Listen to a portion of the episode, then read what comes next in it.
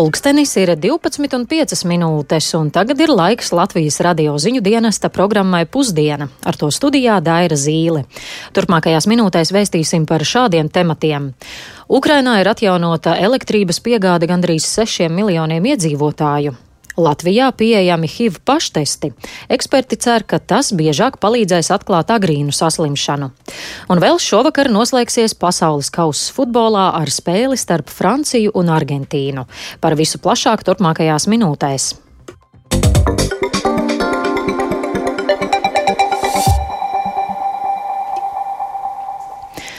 Ukrainā aptuveni 6 miljoniem iedzīvotāju ir atjaunota elektrības padeve, tā ziņo Ukrainas valdība. Tomēr siltumapgādes, elektrības un ūdens apgādes problēmas ir vērojamas visā valstī. Tādēļ Ukrainas prezidents Volodimirs Zelenskis vēlreiz ir aicinājis starptautiskos partnerus nodrošināt viņa valstī labāku pretgaisa aizsardzību. Jaunāko informāciju apkopojas Arķems Konohaus. Ukrainas plašsaziņas līdzekļi vēsta, ka šorīt pretgaisa aizsardzības sistēmai ir izdevies notriekt divas raķetes, kas tika izšautas no Krimas Odesas virzienā. Tā esot skaidrojami divi sprādzieni, kas sestdienas rītā tika dzirdēti šīs pilsētas tuvumā. Savukārt piekdien Ukrainas spēkiem ir izdevies notriekt 60 Krievijas armijas raķetes. Tā savā ikvakara uzrunā sacīja Ukrainas prezidents Volodimirs Zelenskis. Ārkārtas elektrības atslēgšana šodien notika visā valstī, vairumā pilsētu un reģionu. Kīvā un 14 reģionos elektrības atslēgšanas dēļ nebija pieejams ūdens. Mūsu elektriķi un avārijas brigādes ir sākuši darbu vēl gaisa trauksmes laikā un dara visu iespējamo, lai atjaunotu elektrības ražošanu un padevi. Tam ir vajadzīgs laiks, bet tas tiks paveikts.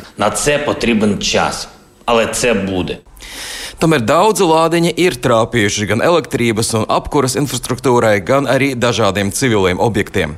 Tostarp Krievijā ir sagrauta trīs stāvu dzīvojamā māja, un vismaz trīs cilvēki ir miruši. Viņu vidū arī pusotru gadu vecs zīdainis. Vietējās amatpersonas ziņo, ka uzbrukumā ievainoti vēl 13 cilvēki. Paziņojas, ka pilsētas metro sestdienas rītā ir atsācis darbu. Tāpat pusē pilsētas ir atjaunota siltuma padeve. Savukārt elektrība ir pieejama divām trešdaļām pilsētas iedzīvotāju.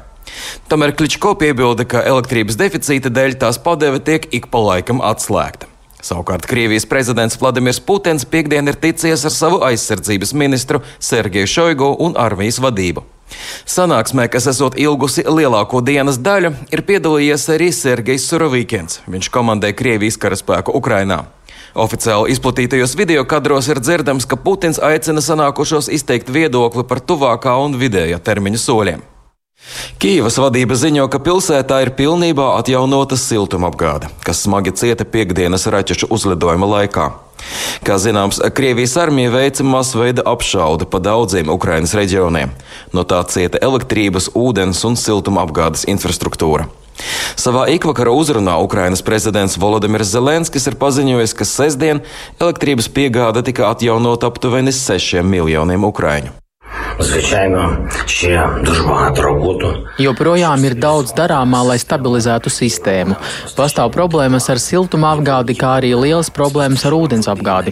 Sarežģītākā situācija ir Kīvas pilsētā un tās reģionā, Vinnicā un tās reģionā, kā arī Ļvivā un tās reģionā. Diemžēl arī citos reģionos ir vērojami plaši elektrības piegādes pārrāvumi. На жаль, масштабні відключення. Zelenskis arī sacīja, ka pirmdien notiks svarīga Ziemeļeiropas un Baltijas politisko līderu tikšanās, kuras laikā tiks spriests par situāciju Ukrainā. Šī sanāksme ir paredzēta Rīgā, un tajā piedalīsies augsta līmeņa pārstāvji no Dānijas, Igaunijas, Somijas, Islandes, Lietuvas, Nīderlandes, Norvēģijas, Zviedrijas un apvienotās karalistes, kā arī no Latvijas. Zelenskis mudināja partnerus nodrošināt Ukrainai labāku pretgaisa aizsardzības sistēmu. Зокрема, я буду постійно нагадувати. Es nemitīgi atgādinu, cienījamie partneri, lūdzu atrodiet iespēju iedot Ukrainai uzticamu pretgaisa aizsardzību, uzticamu aizsardzības vairogu. Jūs to varat. Jūs varat nodrošināt mūsu iedzīvotājiem aizsardzību, simtprocentīgu aizsardzību no Krievu teroristiskiem uzbrukumiem. Tas nozīmētu drošību daudziem ukrāņiem un strateģiskas pārmaiņas visā militārajā situācijā. Savukārt Krievijas oficiālajā avota ziņo, ka aizsardzības ministrs Sergejs Šoigu ir apmeklējis frontes līniju un ticies ar karaspēka pārstāvjiem. Krievijas aizsardzības ministrijas izplatītajā video ierakstā ir redzams, ka Šoigu ar helikopteru aplido teritoriju, kas varētu būt tuvu frontei. Tomēr nav skaidrs, vai viņš izčērsojis Ukrainas robežu un kad vizīte ir notikusi. Paziņojums par Šoigu braucienu izskan dienu pēc Krievijas prezidenta Vladimira Putina sanāksmes ar savas armijas vadību, kurā pēc publiski pieejamās informācijas tika apspriesti turpmākie kara attīstības scenāriji. Vēl jāpiebilst, ka par spīti visām grūtībām Kīvā ir atklāta tradicionālā Ziemassvētku egle. Tā ir nedaudz mazāka kā parasti un rotāta ar miera baložiem un Ukrainas ģerboņa fragmentiem. Arcēns Konahos Latvijas Rādio Briselē.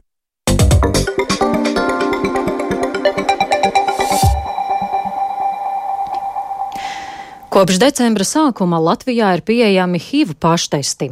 Ilgu laiku Latvija bija viena no retajām valstīm, kurā tādi nebija pieejami. Lai arī šobrīd tie ir nopērkami vien pie viena komersanta un ir visnotaļ dārgi, eksperti ir pārliecināti, šis ir liels solis vēl plašākai agrīnu HIV saslimšanas gadījumu diagnostikai. Un tematu turpina Kristaps Feldmanis.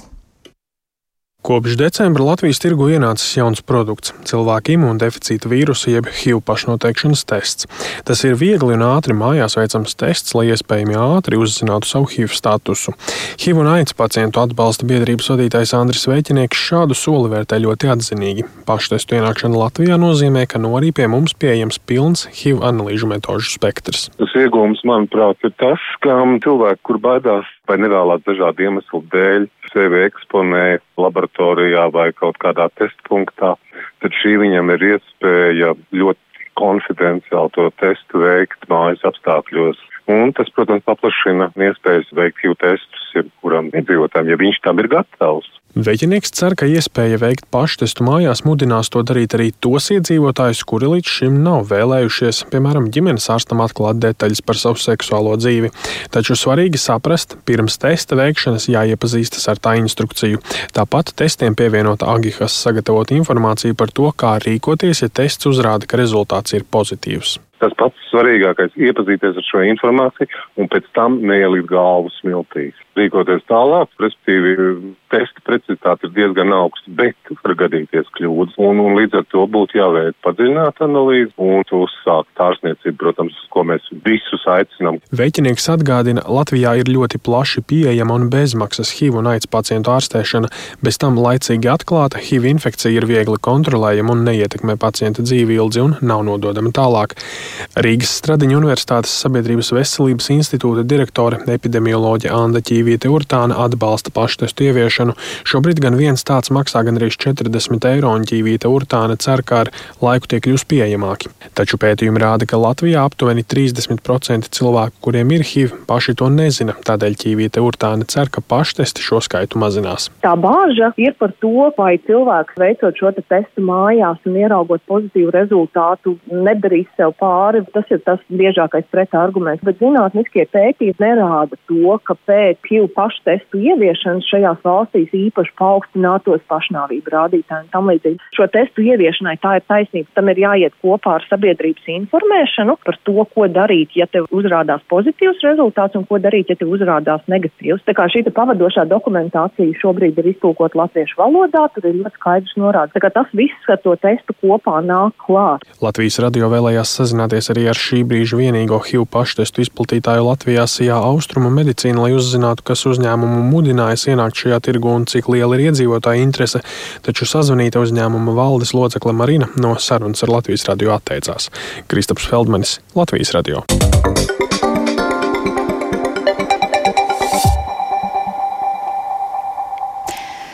Četrgades lielie futbola svētki pasaules kausā noslēgsies šovakar ar spēli starp Franciju un Argentīnu. Taču dažādi notikumi ir arī citos sporta veidos, un ar tiem iepazīstinās Lotārs Zariņš. Sveiks, Lotār! Sveiki, Dāra, un sveiki, klausītāji! Šovakar ir lielais futbols, un kas tad klausītājiem būtu jāzina par abām šīm komandām pirms uh, finālspēles? Nu, fināls, kuru gaidījām un arī pelnījām Francija pret Argentīnu, Mbappé pret Messi. Tiesa gan, kā norādīja Francijas izlases galvenais treneris, tad nevajag akcentēt tikai divus spēlētājus, jo visi futbolisti finālā ir augstākās raudzes. Izlaišanas spēles Francijai sākās ar 3-1 uzvaru pret Poliju. Spraigs duels izvērtās arī pret Angliju. Ceturtajā fināla mačā Harijam Keinam spēles izskaņā ar 11 metru sītienu bija iespēja izlīdzināt rezultātu, bet to viņš nerealizēja. Līdz ar to francūžiem ar 2-1 panākums. Savukārt pusfinālā ar 2-0 Eiropas komandai uzvaru pret Maroku. Francijai ir iespēja kļūt par trešo izlasi, kas spējusi uzvarēt divos fināla turnīros pēc kārtas. Intriga, protams, būs arī par zelta buču ieguvēju. Lionelam Messi un Kilianam Mbappé ir pa pieciem gūtiem vārtiem. Par komandas gatavību spēlē vairāk stāsta Francijas izlases galvenais treneris Didier Dešāns. Neieslīgšu pretinieku analizēšanā, jo Argentīna ir zināma komanda un skaidrs, ka mums vajadzēs parādīt maksimāli labāko sniegumu. Tas ir pretinieks ar spēcīgiem futbolistiem, bet arī mums ir labi spēlētāji. Laukumā redzēsim augstas klases futbolu. Galvenais fokus būs spēles uzdevumam. Ja to izpildīsim sekmīgi, tad arī mums būs uzvara. Le maillot après le, le match de demain. Jā, Argentīna finālā atgriezusies pēc astoņu gadu pārtraukuma. Toreiz Brazīlijā argentīnieši pagarinājumā atzina Vācijas pārākumu. Izslēgšanas maču Argentīnu sāk ar 2-1 uzvaru pret Austrāliju, bet ceturdaļa finālā tikai pendelēs pieveic Nīderlandi. Pusfinālā Lionela Skalonī vadītāja komandai pārliecinošākā uzvara turnīrā ar 3-0 pret Horvātiju. Argentīnai šis ir sastais fināls vēsturē un pirmais kopš 2014. gada. Par lepnumu vadīt savu izlasi vairāk stāsta Argentīnas izlases galvenais treneris Lionels Skalonī. que cualquier argentino quisiera estar. Es el puesto de entrenador de la selección argentina Esmu lepns, ka vadu Argentīnas nacionālo futbola izlasi, tāpat esmu enerģijas pilns finālspēlē. Šobrīd mēs izbaudām, kur atrodamies. Tas ir tikai loģiski, jo šobrīd esam uz pasaules kausa fināla durvju sliekšņa. Man šķiet, ka svarīgi ir ceļš, pa kuru nonācām šeit. Mērķi, kurus esam līdz šim uzstādījuši, ir piepildījušies. Tas ir lieliski būt šādā brīdī ar tādu komandu un lieliskiem spēlētājiem. Esmu pateicīgs, ka Argentīnas futbols man deva iespēju iespēju izdzīvot šo mirkli, bet nekas vēl nav beidzies.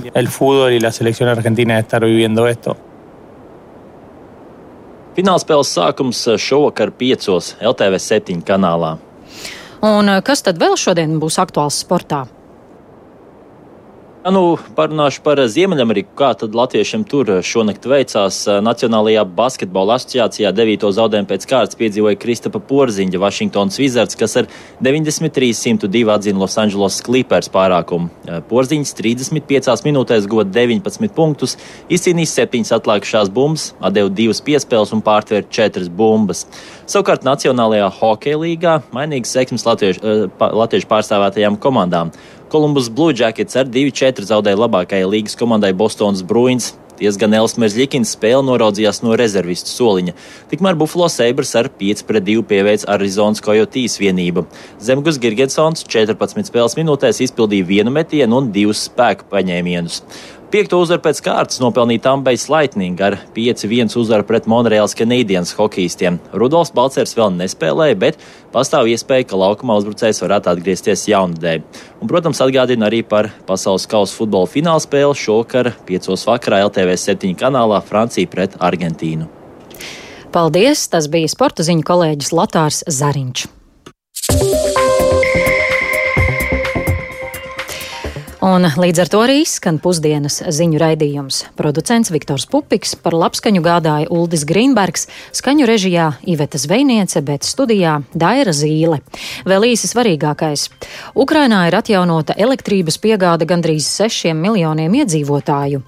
Latvijā pieejami HIV paštesti. Eksperti līdz ar to cer, ka tas biežāk palīdzēs atklāt agrīnu saslimšanu. Un vēl šovakar noslēgsies pasaules kausa futbolā ar spēli starp Franciju un Argentīnu. Mūsu ziņām varat sekot līdzi arī Latvijas radio mobilajā aplikācijā vai sabiedrisko mediju ziņu portālā LSM LV.